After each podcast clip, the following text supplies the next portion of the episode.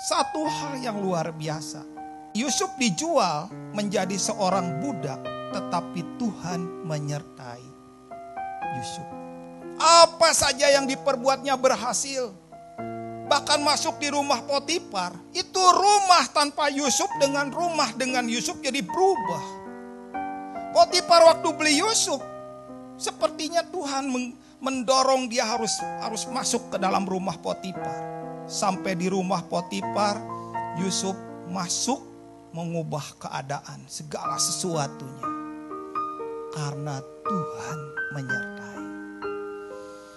Sisi dalam itu penting. Tuhan tuh selalu melihat sisi dalam. Tuhan itu memperhatikan sisi dalam.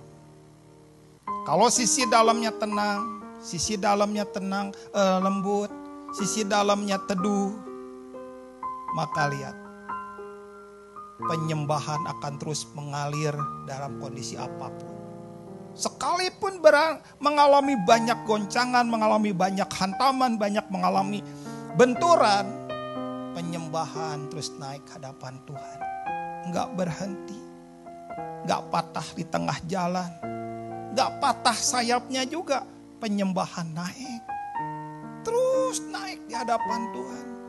Karena penyembahan Tuhan izinkan banyak benturan, tapi coba lihat benturan yang di dalam, penyembahan terus keluar ke hadapan Tuhan. Itu kenapa? Karena dua, orang yang hidup dalam damai, hidup dalam hadirat Tuhan, dan hidup dalam firman Tuhan.